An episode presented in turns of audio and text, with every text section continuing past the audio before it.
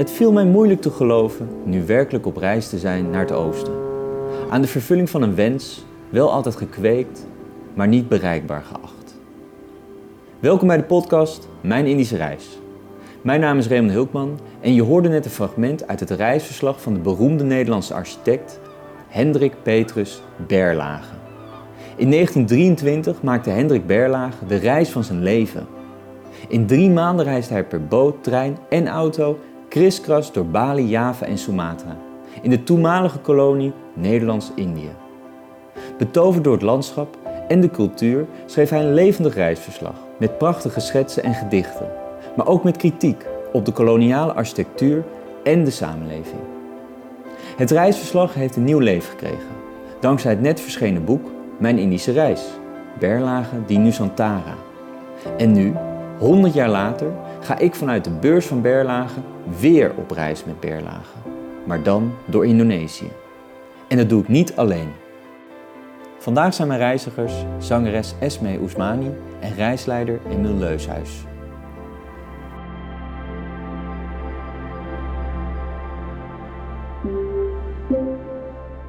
Welkom beiden. Esme, ik wou eigenlijk met jou beginnen. Je bent theatermaker, muzikant. Hoe is Indonesië in jouw leven gekomen? Uh, door een reis die ik voor een project heb gemaakt met, uh, in samenwerking met Dutch Culture. Salihara, dat is een organisatie die in uh, Jakarta zit.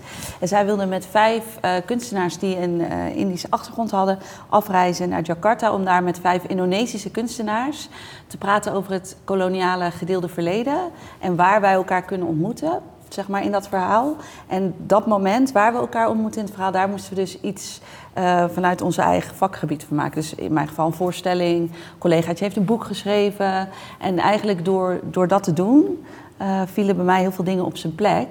In mijn werk ook, in de voorstelling die ik maakte. En is, ja, is dat nooit meer. Ja, het zat gewoon in mijn hart. Ik dacht ook, in mijn werk is dat gewoon de bezieling van mijn werk wat ik zocht. Het stukje wat ik eigenlijk telkens niet had in mijn werk, of net niet de voldoening eruit haalde, kwam door, ja, door dit project in één keer viel het op zijn plek. Maar ik begrijp, want je zegt Indische roots.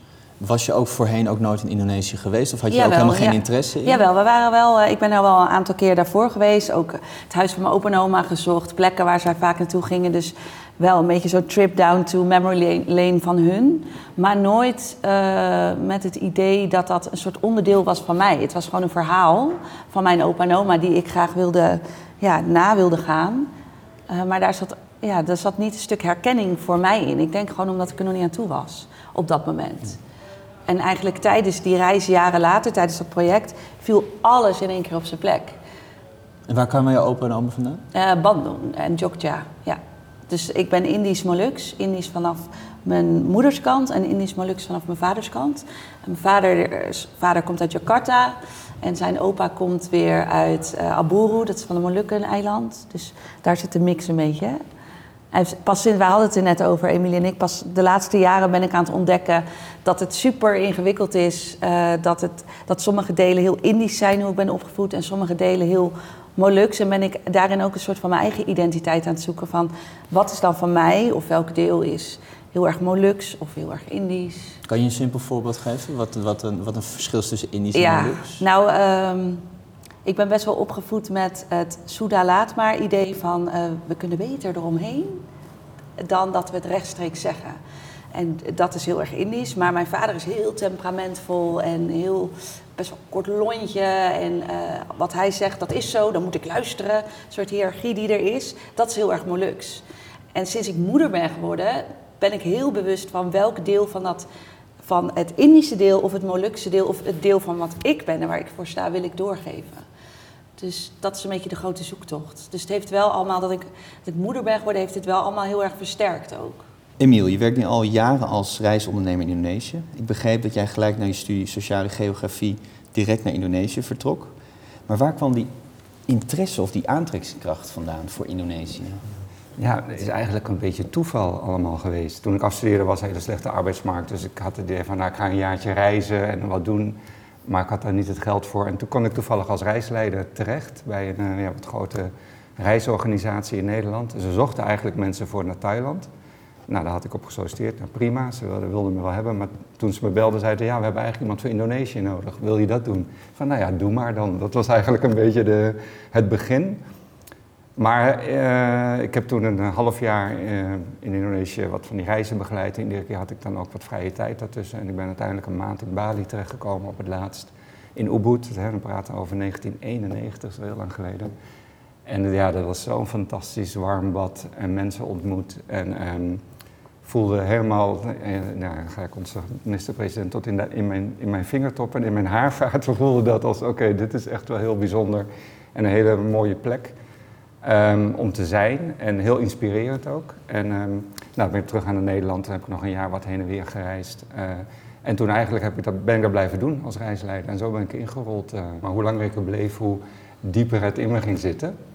En vooral ook omdat ik, uh, ja, je kunt de geograaf niet uit me halen.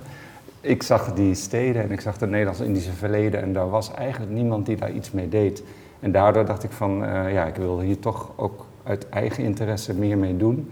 In ieder geval in kaart brengen van uh, ja, wat kun je nou nog eigenlijk terugvinden als een soort bovengemiddelde geïnteresseerde toerist. Wat kun je nog terugvinden in, Nederlands, in, in Indonesië, het oude Nederlands-Indië zeg maar. Van, van die tijd en hoe ziet dat eruit en, en wat kun je daar nog van terugvinden en waar komt dat vandaan en wat was de context. Nou ja, en daar is eigenlijk een beetje meer die zoektocht uit voortgekomen. Maar is het dan ook zo dat voordat je daar was geweest, was je daar al geïnteresseerd in, in het koloniaal verleden van Nederland? Of is dat eigenlijk echt ontstaan omdat je in het land zelf was? Eigenlijk wel meer het laatste. Het enige wat ik daarop kan zeggen is dat ik als uh, te laag, op de middelbare school deed, had ik aardrijkskunde als vak. En wij hadden Indonesië als specialisatie. En ik weet nog dat ik toen dacht van, oh, als je daar ooit eens een keer naartoe zou kunnen. Dan was de jaren tachtig maakte nog niemand dat soort reizen. Maar die interesse was er dus wel. Maar ik heb daar toen in de studie eigenlijk nooit echt iets mee gedaan. Maar pas heel erg interessant begon ik het te vinden toen ik eigenlijk alles veel meer in kon plaatsen in, in, de, in, de, in de ruimte, zeg maar. Hoe het er nu uitziet, uh, door er zelf te lopen, werd, werd het veel levendiger. Ik wil u een eerste passage uit het dagboek van Berlage voorleggen. Die lees ik ook voor. Ook meteen weer de moeilijkste naam van de plaats, maar Emilia kan me bij vast bij helpen. Singaraja? Singaraja. Singaraja. Ja. 17 mei. Singaraja. Maar nu de rondweg gereed is, het woord zegt het in al zijn verschikking, zullen de touringcars en autobussen wel spoedig den dienst beginnen. En dit betekent, hoewel verkeerstechnisch een vreedzame indringing, toch cultureel een vijandelijke inval. En dit noodlot, dat nergens te keren is, wordt in het bijzonder voor dat eiland de geestelijke ondergang. Bovendien heeft de toerist in het algemeen niet de bedoeling de dingen die hij ziet ook te bekijken. Die soort gaat er alleen heen om er geweest te zijn.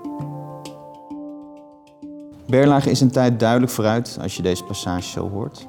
Al in 1923 waarschuwt hij voor de gevolgen van massatoerisme voor de lokale cultuur. Bali is daarvan natuurlijk een erg goed voorbeeld. Hoe zie jij dat, uh, Emiel? Is de cultuur van Bali inderdaad verpest door het uh, toerisme? Ja, ik zat inderdaad net deze quote ook te lezen en uh, ik was er al een beetje over na aan het denken. Het lijkt inderdaad heel vooruitziend. Hè? Zo van, je ziet al de ondergang van de cultuur als gevolg van grootschalig toerisme. In zijn tijd waren dat tien auto's misschien ook. Dat was absoluut niet met wat het nu is. Um, uit eigen ervaring, ik, hè, ik ben vanaf 1991 in, uh, in Bali. Ik heb dus van toen het nog, nou Ubud is misschien het voorbeeld. Er was toen nog een dorpje tussen de rijstvelden met een uh, zandpaadje naar het apenbos en zo. Nee, ik heb die hele omgang zien gebeuren. Een beetje Costa del Sol. Ja, het is nou, het ja. is nog wel op, maar goed, het is niet een strand en gebeuren, maar het is in ieder geval enorm gegroeid en het compleet anders. Ik, wat ik ook merkte is dat um, de, ik deed ook andere dingen. Ik was reisleider, dus als we dan kwamen in Ubud en dan zaten we daar gewoon vijf, zes dagen. Niemand, iedereen vond het prachtig. Uh, en het was altijd heel spannend, want dan kwamen we aan en dan gingen we kijken, oh, is er misschien iets, is er ergens een ceremonie waar we naartoe kunnen? Uh, is er een uh, crematie waar we aan kunnen sluiten? Nou, iedereen ging mee en dan zaten we de hele dag gewoon te wachten tot het zou gaan gebeuren. Niemand klaagde, iedereen vond het fantastisch. Maar de laatste jaren, zeg maar, ik doe het nu niet meer als reisleider, maar zeg maar 2010, 2013, niemand wilde meer naar dat soort dingen. Mensen begonnen te klagen, hoe laat begint het? Uh, ja, het begint als het begint natuurlijk. Hoe, um, uh, wanneer kan ik hier wat eten? En, uh, dus op een gegeven moment ging ik het niet eens meer doen voor mensen. Want dus de, de insteek van reizigers was, is ook heel anders geworden. Dus het is niet alleen maar meer geworden, maar het is ook een heel ander soort toerisme geworden, lijkt het wel. Um, en ja, dat, daar, daar, dat, dat proef ik ook een beetje uit die quote van Berlage. Want hij, aan de ene kant is het ook gewoon te veel mensen, maar ook inderdaad mensen die niet geïnteresseerd zouden zijn in. Uh, hij was heel erg dat reizen moet uh, geestverruimend zijn. Hè? dus hij is eigenlijk een romanticus, als ik het zo lees. Nee, echt een kind van de 19e eeuw. Want ik was ook nog, omdat we hier nu aan tafel hebben, was ik ook nog wel benieuwd. Um, waar is een Indonesische toerist naar op zoek in zijn eigen land? wij gaan ook in eigen land ja. op vakantie. Hoe is dat voor de Indonees? Nou, nou dat is echt uh, uh, helemaal losgegaan. Want uh, Indonesische toeristen, men, men, had nooit geen geld om te reizen. Niet eens geld, maar ook helemaal geen tijd. Omdat je, iedereen kreeg een week rond het suikerfeest vrij. En dat was gewoon je vakantie in het jaar, zeg maar. En, en verder niks. Maar dat is sinds zeg maar 2010 ongeveer helemaal losgegaan. Dus het is echt soms lastig voor westerse toeristen, omdat Indonesiërs komen het liefst met groepen. En hele grote groepen. Dus dan heb je meteen tien bussen bij de Borobudur, zeg maar. En dan zijn dat allemaal Indonesische mensen en die willen dan ook allemaal een beetje op de foto. Dat heb je ongetwijfeld ja, ook meegemaakt. Ja, en dan sta je dus er nog eens met 50 mensen die langstrekken om met jou een selfiefoto te maken, dat soort dingen. Maar zij zijn heel erg... Um, zo, uh, ja, ja, heel erg sociale media savvy, zeg maar. Heel erg bezig met, met uh, foto's maken op, uh, op spots. Dus ik zie dat um, er is een enorme markt voor binnenlands toerisme, wat heel gezond is. Veel beter dan buitenlands toerisme eigenlijk voor de Indonesische economie. Je hebt 270 miljoen, 80 miljoen inwoners in Indonesië. En als die allemaal gaan reizen, is het gewoon ontzettend goed voor je economie, economie natuurlijk, als ze dat binnenlands doen.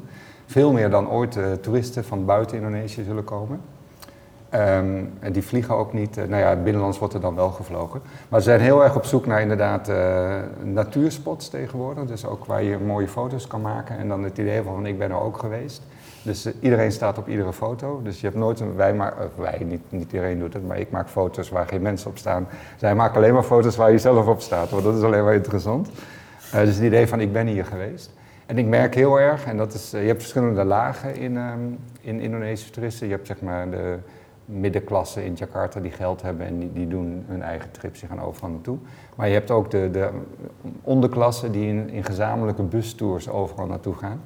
En die mensen komen eigenlijk nooit zo in aanraking met witte mensen, uh, echte toeristen. Hè. Toerisme is witte mensen die door Indonesië reizen. Die zien ze soms wel in een bus voorbij rijden, maar daar hebben ze nooit contact mee. Dus op het moment dat zij op de Borobudur staan, zijn zij in één keer net zoals die witte mensen die ze eigenlijk altijd voorbij zouden trekken. Dus daarom willen ze graag met jou op die foto. Want kijk, ik doe hetzelfde als wat die mensen allemaal doen. Dus soort, uh, ik, ja, ik doe hetzelfde. Ik ben ook een toerist. Dus, dus heel, ik denk dat dat daar een beetje uit voortkomt. Uh, dat idee van, uh, ik doe nu eindelijk ook die dingen die al die Europeanen, Europeanen altijd deden en zo, die ik alleen maar voorbij hebben zien trekken. Ik dacht dat het gewoon het was omdat ik lang was en wit. Ja, ja ook omdat we zien er natuurlijk altijd raar uit. Ja, we zien er Maar ze, ze, willen ook met jou op de foto, bij wijze van spreken. Omdat ja. ze wel zien dat jij mix. mix. bent, maar je wel uit het westen komt, zeg maar, niet, niet daar vandaan komt. En dan is het ook alweer interessant. Uh, dan heb ik weer een mooie passage voor jullie. 11 april, Borobudur. De stad, vroeger het centrum van cultuur met een ziel, is in een versneld tempo gegroeid tot een monster, waarmee men geen raad weet. Want het verkeer, dat zich geen enkele beperking laat opleggen, raast er in steeds grotere razernij doorheen. De metropool verslindt alle intellect en tracht nu de geesten die zij heeft opgeroepen te verdrijven. Berlage heeft hier over de ziel van de stad. En heeft hij dan ook gelijk dat die dat je die niet meer tegenkomt. Esmee, waar kom jij nog de ziel tegen van Indonesië? Is dat op het platteland of toch wel in de stad? Ik kom die ziel tegen in Jogja, uh, maar dat is vooral omdat daar de ziel lag van mijn grootouders.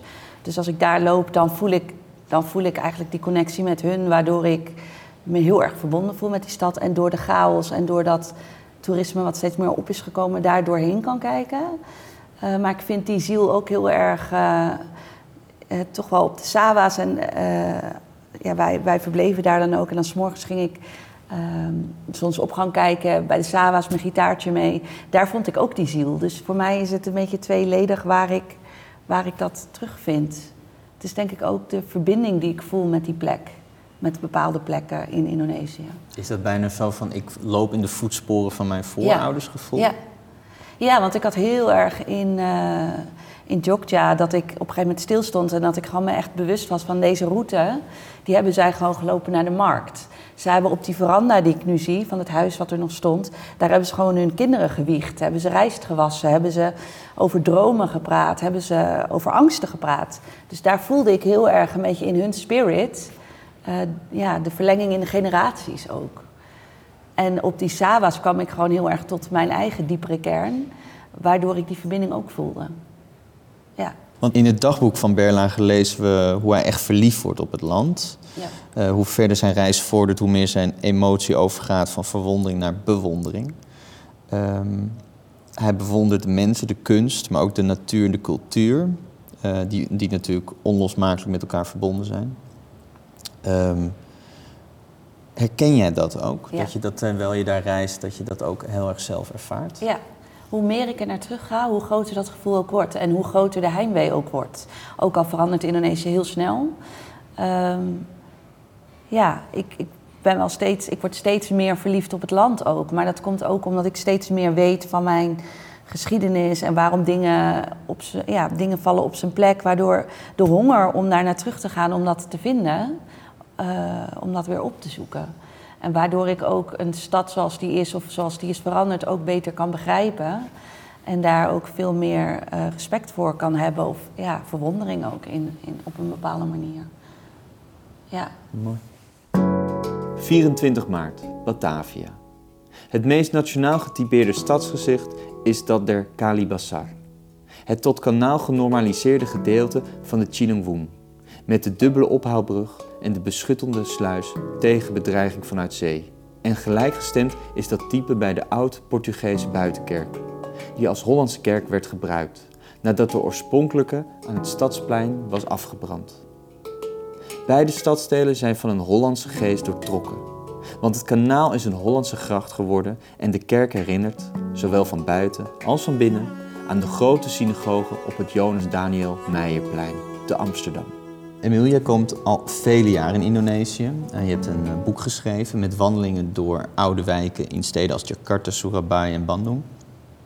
Met name over de koloniale architectuur in die wijken. Men bestempelt dat graag als uh, koloniaal erfgoed, een, een, een chique term. Um, met de kennis van nu, met welke bril kijk jij naar die gebouwen? Ja. Nou, ik wil het wel een klein beetje bijstellen. Um, de, mijn hele insteek was juist om, om, om, het wat breder te maken dan alleen maar die koloniale architectuur. Omdat dat werd eigenlijk tot nu toe voor die tijd eigenlijk alleen gedaan. Dus heel geïsoleerd uh, gebouwen. Oh, dit is van die Nederlandse kantoor geweest met die Nederlandse architect en dergelijke.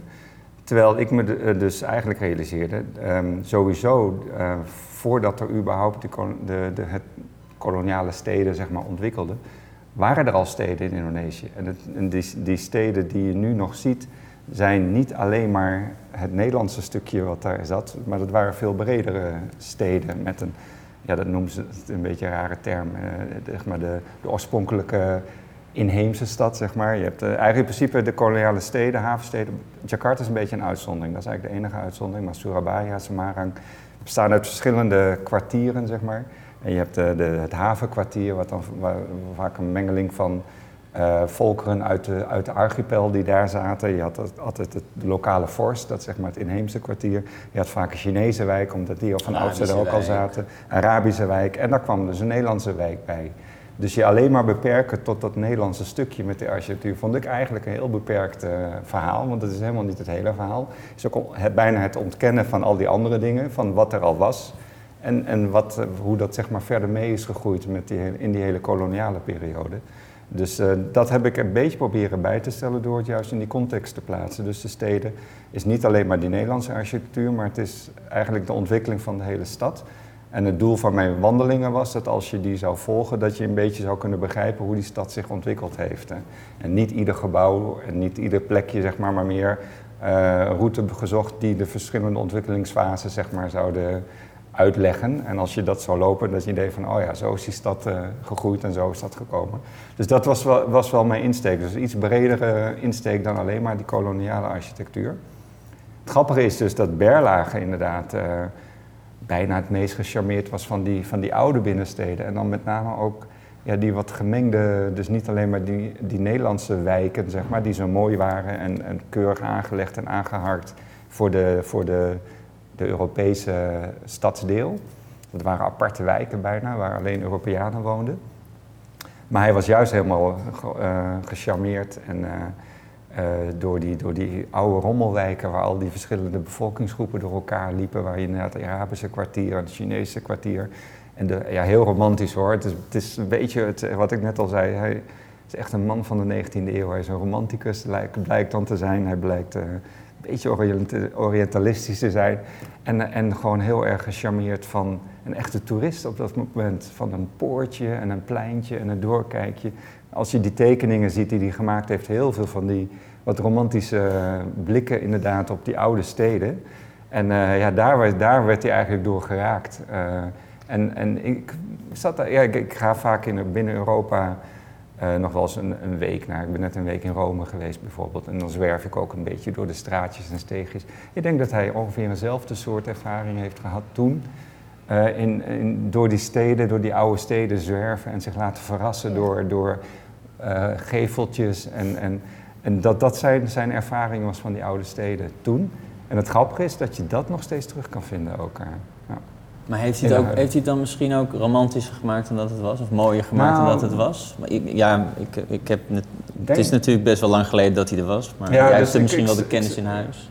Ja, ik probeerde dat een beetje samen te stellen. Hij is ook bijvoorbeeld al in, in Bandung, wat, en dan vooral dus... in Bandung was, de, heeft hij volgens mij ergens geschreven, de, de, de mooiste koloniale stad zoals het zou moeten zijn. Maar dan had hij dus over het Europese deel van Bandung, hè. niet het zuidelijke deel, maar het noordelijke deel.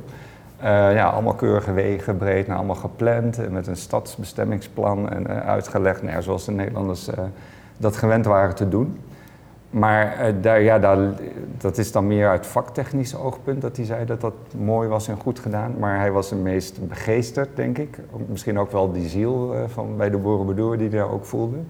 Eh, in, die, in die, juist die oude, die rommelige Ja. steden waar al die dingen door elkaar liepen. Hij had het niet heel erg over de mensen die daar waren. Het was meer inderdaad zijn eigen ervaring als Westerling daar rondlopend.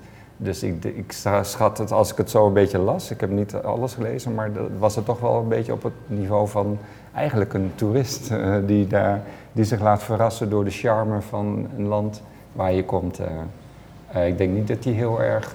hij zette zich wel af tegen eh, die ho- horkerige witte mensen, zeg maar, die daar rondliepen.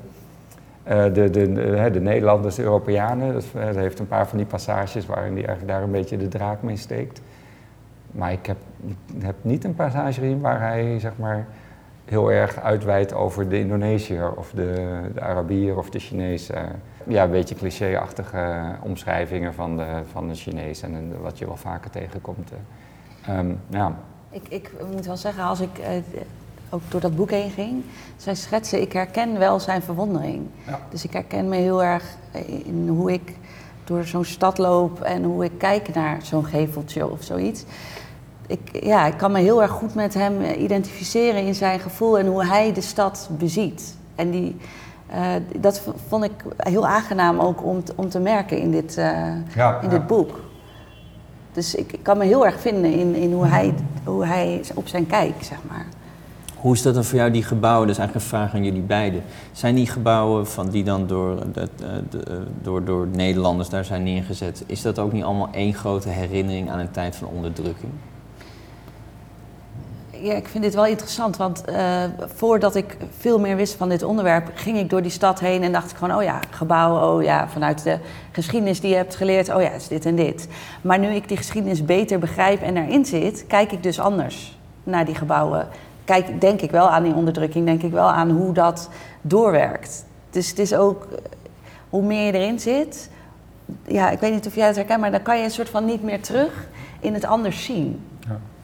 Ja, ja het, leuke is dat natuurlijk de, die geschiedenis van die koloniale gebouwen, om zo eens te noemen, in, in, de, in de Indonesische geschiedenis, dat daar ook een soort switch is geweest. Tot en met um, Suharto, zeg maar, tot en met 1998. Dat waren de mensen die eigenlijk gevochten hebben tegen de Nederlanders. Zeg maar. Die stammen nog allemaal uit die, de leiders van tot die tijd. Hè? Dus de, de belangrijkste mensen van, uh, van, het, van Indonesië. Dat, die stammen allemaal nog uit de onafhankelijkheidsstrijd, zeg maar, tot, tot eind jaren 90 die waren heel erg van, uh, inderdaad, als ze een, een, gebouw niet wilden hebben, zeiden ze ja, het is koloniaal, we moeten ermee afbreken en wat nieuws neerzetten. Dus daar is toen heel veel kaalslag geweest, inderdaad, uh, vanwege uh, wat jij net zegt, dat herinnert aan het koloniale verleden en uitbuiting en kolonialisme. Dat is ehm, met de scheiding, zeg maar, in de nieuwe, nieuwe leiders die zijn gekomen, een jongere generatie, die dus niet meer die last van van we hebben gevochten tegen dat kolonialisme met zich meedragen, of de last in ieder geval, die, die geschiedenis bedoel ik eigenlijk, uh, met zich meedragen, die kijken, er, en, en die kijken er eigenlijk op een veel uh, neutralere manier tegenaan. En wat het vooral was, ik heb, dat heb ik ook meegemaakt toen ik in 2000 begon met het in kaart brengen voor, voor dat boek met die stad. Was er eigenlijk helemaal niemand bezig, er was gewoon helemaal niks. Er waren een paar kleine clubjes van jonge academici op een paar plekken in Indonesië en die hadden zoiets van, goh, hier staat gewoon een gebouw jaren 20, dit is modernisme, dit is art deco. Wat, wat is dat joh? Ze wisten eigenlijk bijna niets, er was gewoon bijna geen kennis meer, omdat die generatie daarvoor heeft dat eigenlijk allemaal weggepoetst, nooit wat mee gedaan. Werd ook niet onderwezen, het was geen onderwerp, het was eigenlijk een soort vacuüm geworden. En zij zijn erachter gewoon, goh, dat zijn allemaal heel interessante gebouwen. En dat is eigenlijk het begin geweest weer van een hele soort revival van waar je nu overal eh, stadswandelingen hebt voor Indonesische mensen waar je aan kan sluiten en allemaal clubjes die daarmee bezig is. En academici, jonge academici die ook heel kritisch zijn, hè? ook um, decolonisatie als onderwerp hebben, ook in architectuur, ook in geschiedenis. Dus daar is een enorme verandering in gekomen. Um, omdat ze eigenlijk inderdaad een beetje los waren van die geschiedenis en daar dus met een wat frissere blik tegenaan konden kijken. En dat zie je dus ook in, die, in, die, in, de, historische steden en het behoud van erfgoed en dergelijke. Daar is, wordt veel en veel meer nu aan gedaan. En vanuit Indonesische kant, dus niet vanuit de Nederlandse kant die zegt van oh, we moeten die gebouwen bewaren. Nee, vanuit Indonesië die zeggen het is onze geschiedenis, dat is het ook. Het is Indonesië, het is nu van Indonesië. Dus het is Indonesische geschiedenis waar een deel Nederlandse uh, inbrengen in zit. Zo kun je het ja, eigenlijk De maker loszien van het werk. Ja, dus het staat er nu. Het is nu onderdeel van onze steden. Um, er zit een geschiedenis achter. Het is, ook, het is natuurlijk wel misschien ontworpen door een Nederlander, maar het is gebouwd door Indonesiërs. Want het waren niet de Nederlandse mensen die dat bouwden. Of een Chinese timmerman of een Arabische financier die het geld leende. Dus er zit een veel groter verhaal achter dan alleen maar dat gebouw, de Nederlandse architect. En hier is dat de Nederlandse handelmaatschappij in, bij wijze van spreken. Dat is een veel groter verhaal. En dat verhaal is men veel meer aan het ontdekken en ook uh, herwaarderen. En, uh, dat is alleen maar goed, want dat is de enige manier om een basis te hebben om dat erfgoed bewaard te houden. Want als dat er niet zou zijn, dan ja, bereken het dan maar af, bij wijze van spreken. 16 april, Chokja. Maar het tragische daarvan is dat dit niet meer het fraai gestileerde oud-Javaanse ornament wordt versierd, maar met een naturalistisch bladmotief, omdat de westerse winkelier dat mooier vond. De Indische winkels verkopen alleen nog maar verwesterse, oosterse kunstvoorwerpen waaronder ook die onnavolgbare wonderen der batik en ikatkunst. Ook hieruit proeven we iets van de vooruitziende blik van Berlage. Hij ziet hoe de lokale cultuur zich aanpast aan de westerse smaak. Esmee, je vertelde er eigenlijk al in de introductie iets over, uh, of bij mijn eerste vraag. Uh, je deed een paar jaar geleden mee met een cultureel uitwisselingsproject met ja. jongeren in Indonesië. Mm -hmm. My Story Shared Heritage. Ja. Um, is er een jonge generatie Indonesiërs op zoek naar hun eigen culturele identiteit? Is dat iets wat heel erg speelt? Ja, ik denk het wel. Ik denk zeker die derde generatie waarmee wij in gesprek zijn gegaan, zijn net zoals er nu een hele derde generatie vanuit Nederlanders is die daar naar op zoek is, is dat daar ook zeker aan de hand. En dat maakt het ook wel interessant, omdat, omdat zij op hetzelfde punt in hun zoektocht zitten en op hetzelfde punt om het verschil te willen maken. Dus waar wij als derde, eh, ja, wij zijn als derde generatie, of de, de, generatie van mijn ouders zijn eigenlijk de dragers, zo zie ik het altijd. Uh, en wij zijn de generatie die kan zorgen dat het naar een vierde generatie doorgaat. Dus die ontwikkeling die ik hier in Nederland zie onder mijn derde generatie Nederlands-Indische uh, jongeren, is daar zeker ook aan de gang. Dus je hebt dan vergelijkbare thema's waar je mee bezig bent. Kan je daar een voorbeeld van geven? Oh, ja, ja ik, ik heb even als referentiekader gewoon het project dat ik heb gedaan. Ehm, doordat dit project er is geweest, heb je veel meer begrip eh, vanuit het andere perspectief. En ik merk wel dat ze in Indonesië zijn ze, kennen ze het Nederlandse perspectief eigenlijk helemaal niet. En wij kennen het Indonesische perspectief helemaal niet. Dus uh, waar, waar we elkaar vinden is juist in dat emotionele stuk. Wij hebben ook een dubbele rol daarin. Hè? Ik bedoel, mijn opa heeft ook in het knil gestreden. Dus hij is een Nederlander, maar hij, is ook, uh, hij viel ook tussen wal en schip eigenlijk daar. En dat hebben ze net zo goed daar vanuit de Indonesische kant, de derde generatie. Dus daar vind je een stuk herkenning doordat je het gesprek met elkaar aangaat. Dus daar is zeker een grote ontwikkeling gaande ook. En dat zij ook in gesprek gaan en op zoek gaan naar antwoorden. En... Want Ehm, in je eigen werk ehm, is het leven tussen twee culturen ook steeds, uh, heeft dat steeds een grotere plek uh, ingenomen. Uh, in een van je recente songteksten zong je ook The further, the stronger the pull. Ja. Wat, wat fascineert je daar zo aan? nou, ik denk gewoon als je niet weet waar je vandaan komt, kan je niet weten waar je naartoe gaat. Heel veel dingen vallen op zijn plek doordat je weet wat er gebeurd is. Dus the further you go, the stronger the pull. De, hoe verder ik kom in die zoektocht, hoe groter de vragen worden. Het is niet zo dat ik met een één antwoord, voor die ene vraag met antwoord, krijg ik in één keer nog duizenden vragen met nog meer antwoorden. Ik vind dat wel heel essentieel. Van je kan niet weten waar je naartoe gaat als je je geschiedenis niet kent. Als je niet weet waar je jezelf in die context van die geschiedenis moet plaatsen. Want alles, ik vertelde net al gekscherend hè, dat ik gezakt was voor mijn eindexamen Nederlands-Indië.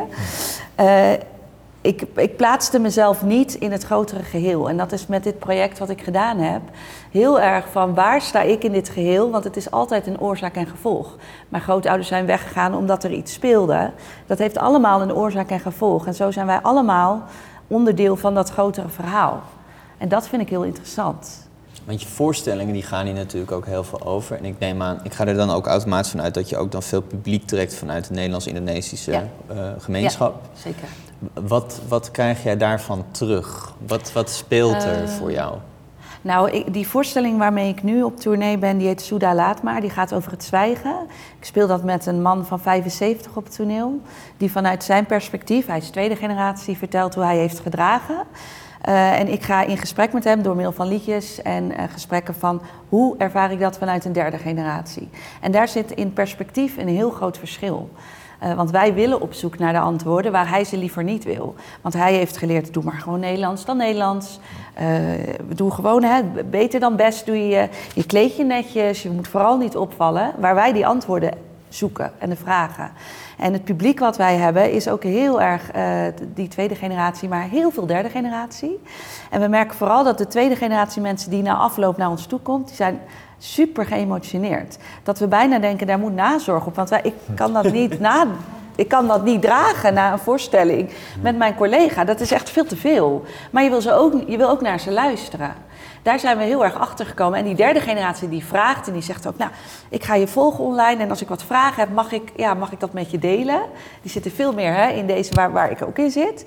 En die tweede generatie wordt emotioneel, die gaat in één keer praten.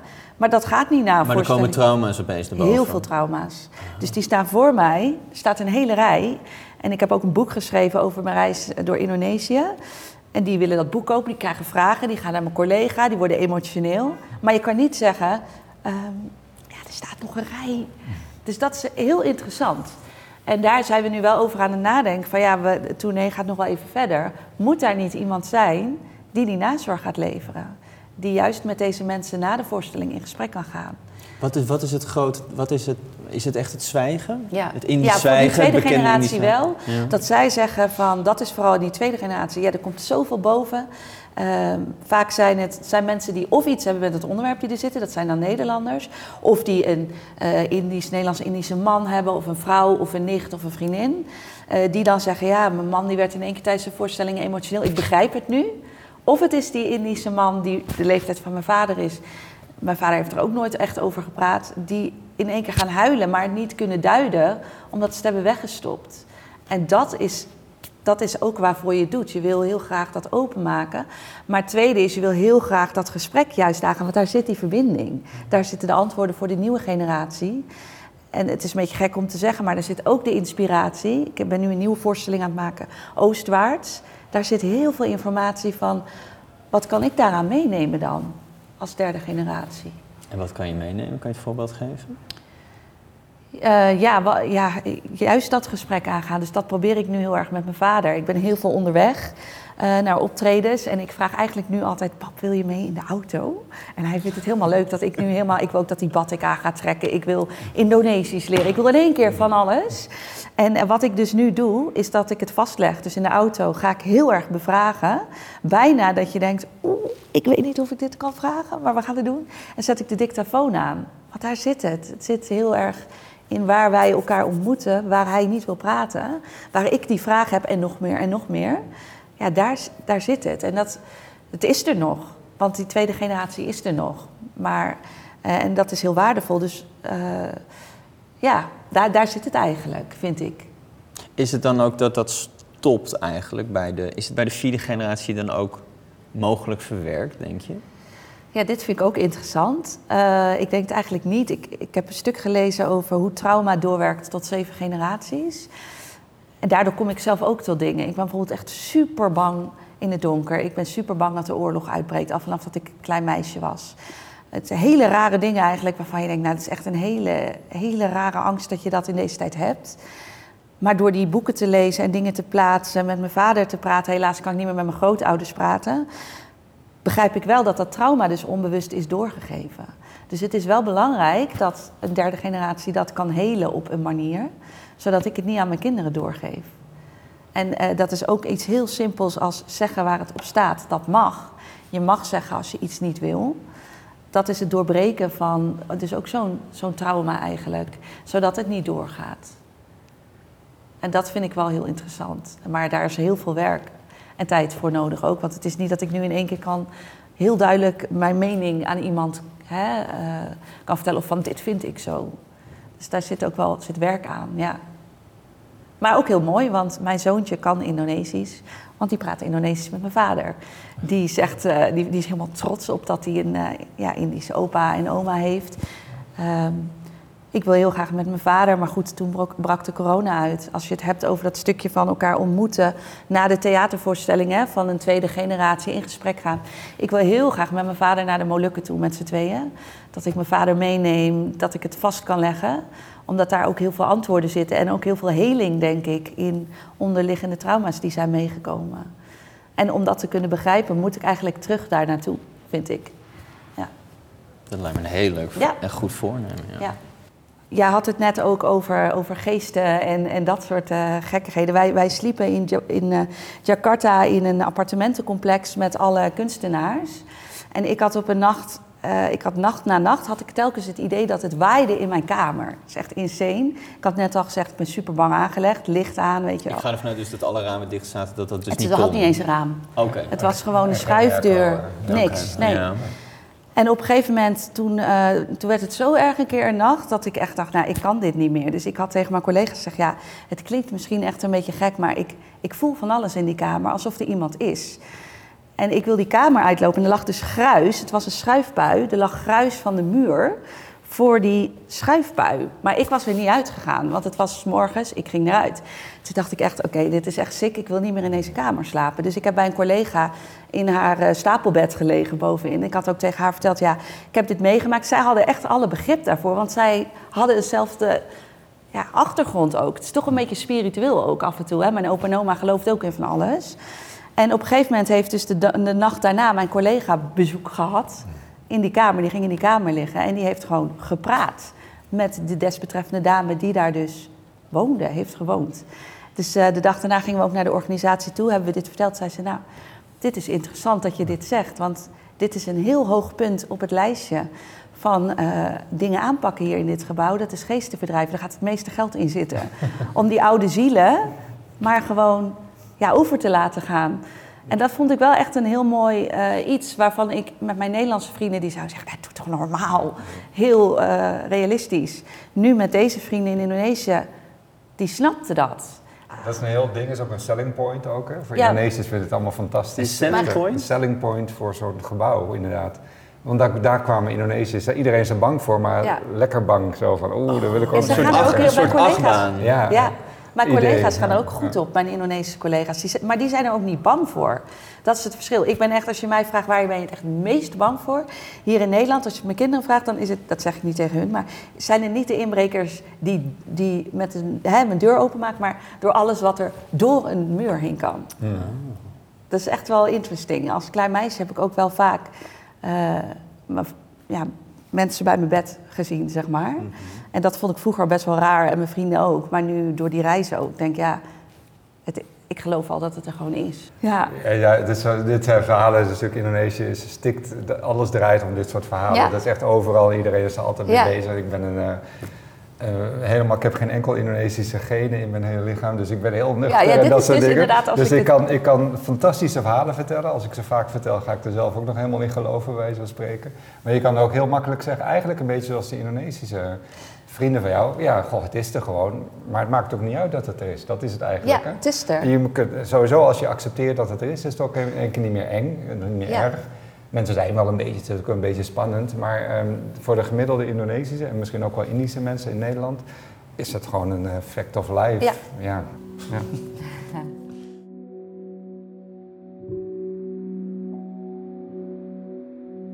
31 mei, Samarang. Ik zou de stad Samarang de stad van Karsten willen noemen, omdat hij daarop zijn architecturale stempel heeft gedrukt.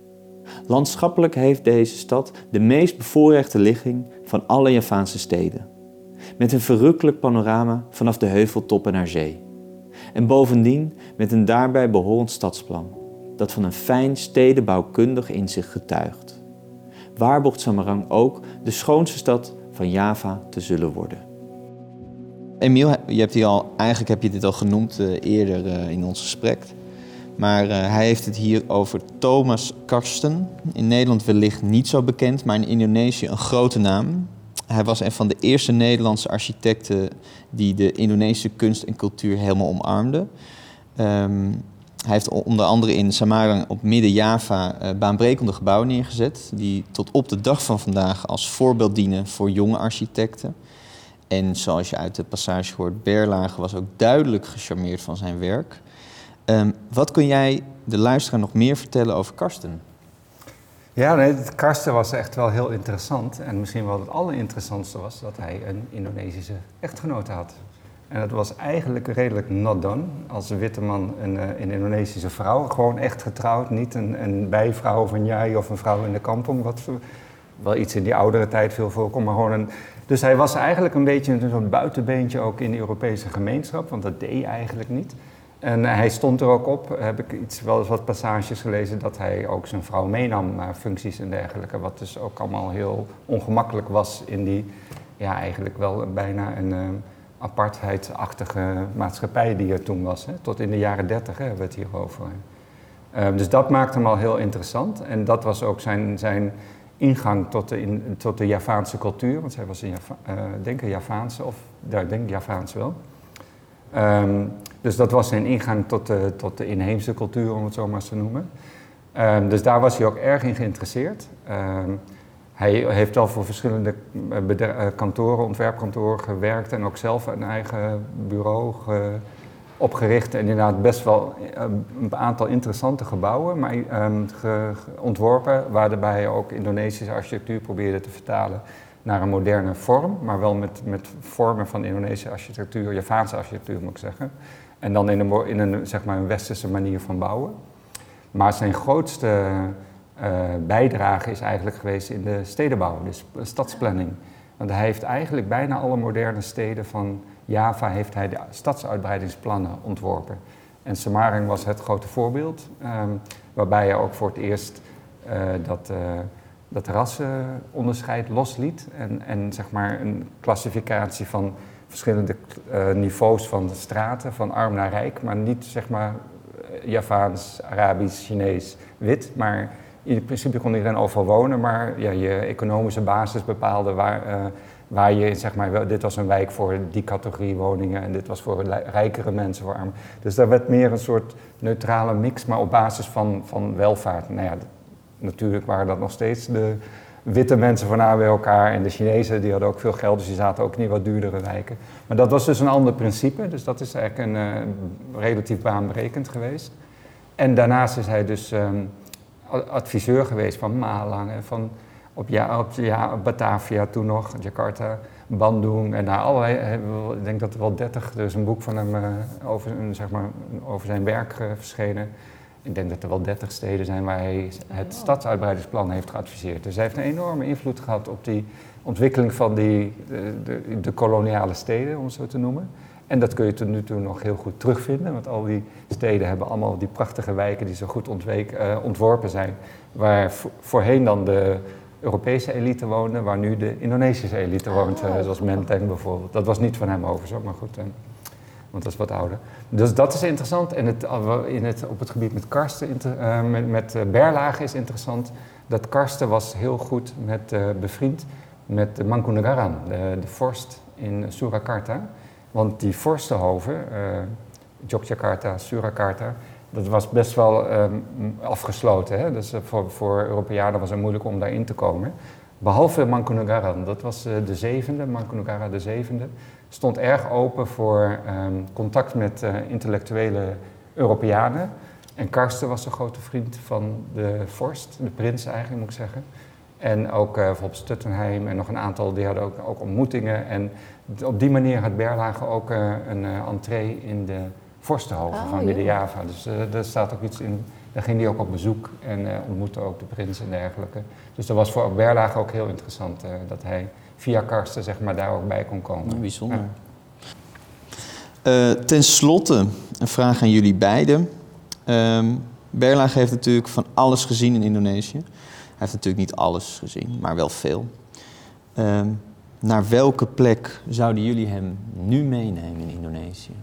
Ja, het klinkt een beetje stom, want ze zeggen altijd dat Jakarta de hysterie is hè, van de, de, de grote durian. De... Maar ik kom echt heel graag in Jakarta, omdat ik vind dat het een hele moderne, vooruitstrevende stad is. En daar zitten ook heel veel jongeren, dus daar uh, vindt ook de vooruitgang plaats. Dus en eh, door die collega's kom ik ook op plekken in Jakarta waarvan ik denk, eh, het gaat voorbij de drukte, voorbij. Er zijn genoeg mooie plekken in Jakarta uh, die ik heel verrassend vond. Dus dan zou ik misschien dat zeggen, ja. Ik zou hem daar naartoe sturen en dan vooral uh, door die, die chaos heen proberen te kijken en, en mee te gaan met, hè, in deze tijd zou zijn, met, met onze generatie een dagje mee op stap, zeg maar. Ja, om het te kunnen, te, ja, de vooruitgang ook uh, kunnen begrijpen en, en te ervaren?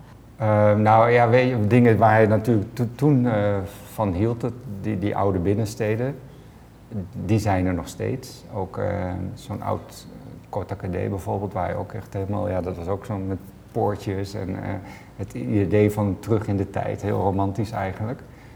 dat is er nog steeds, dus hij zou dat her kunnen bezoeken en eigenlijk dezelfde ervaring krijgen. Dus, dus dat is eigenlijk interessant ook de, de, oude stad van Surabaya, dat leeft en het is, alles staat er nog bij wijze van spreken. Is vrij weinig veranderd. Dus dat zou hij her, kunnen herbezoeken. Maar ik denk uit, uit, uit vakoverweging, um, moderne architectuur in Indonesië, uh, bijvoorbeeld van Bali zijn ze enorm bezig met allerlei ontwerpen met bamboe uh, en vormen van bamboe en hele spectaculaire hotels. En, ehm, eh, dat is natuurlijk heel interessant. Nieuwe materialen, nieuwe vormen. Dus misschien zou dat voor Berlage wel interessant zijn. Dus een hele andere nieuwe vorm van ontwerpen met materialen die hij vroeger nooit gebruikte. Maar wel materialen van het land zijn. Ik wil je bedanken voor het mooie gesprek. Maar uh, Esme, ik heb ook begrepen dat jij speciaal voor dit project een liedje hebt geschreven. Ja, klopt. Dus ik zeg, start de band.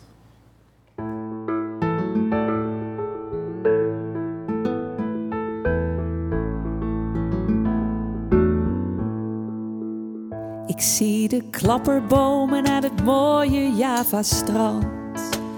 En in de verte bergen als wachters van het land. Ik zie de sawa's die als een gouden tapijt onder een blauwe sterrenhemel liggen uitgespreid. Langs de dessa's waar de wind zachtjes ruist. En door het bamboebos haar stem zacht wiegend zuist. Voel ik hoe zij en ik verbonden door verhalen. Ik door haar landschap uren kan verdwalen. Je leert me kijken zonder vragen, leert me voelen met het hart. Leert me dragen zonder vragen, jij ontwart dat wat verward.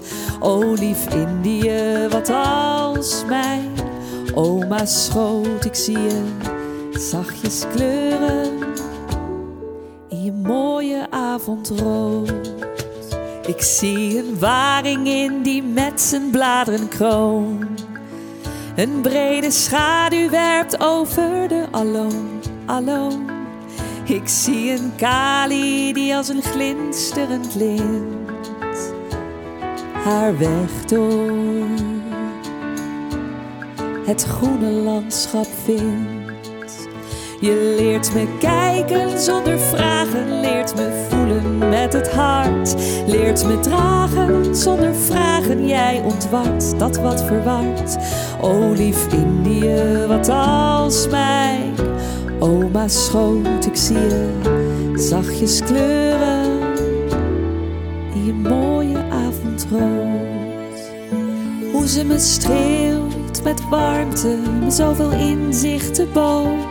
Waar erkenning en erkenning de waarheid laag voor laag ontbloot. Je leert me kijken zonder vragen, leert me voelen met het hart. Leert me dragen zonder vragen, jij ontwart dat wat verward. O lief Indië, wat als mij oma schoot. Ik zie je zachtjes kleuren. O lief Indië, wat als mij oma schoot. Ik zie je zachtjes kleuren. Je mooie avondrood.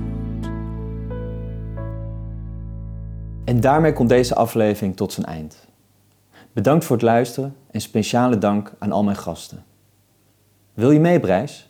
Berlage's 100 jaar oude reisdagboek is nu te lezen in drie talen via Facebook, Twitter en Instagram. De podcasts zijn te beluisteren op berlagedinusantara.com en een volledige nieuw geïllustreerde uitgave ligt binnenkort in de boekwinkels. Ben je benieuwd? Steun dan de crowdfunding campagne. Tot de volgende keer!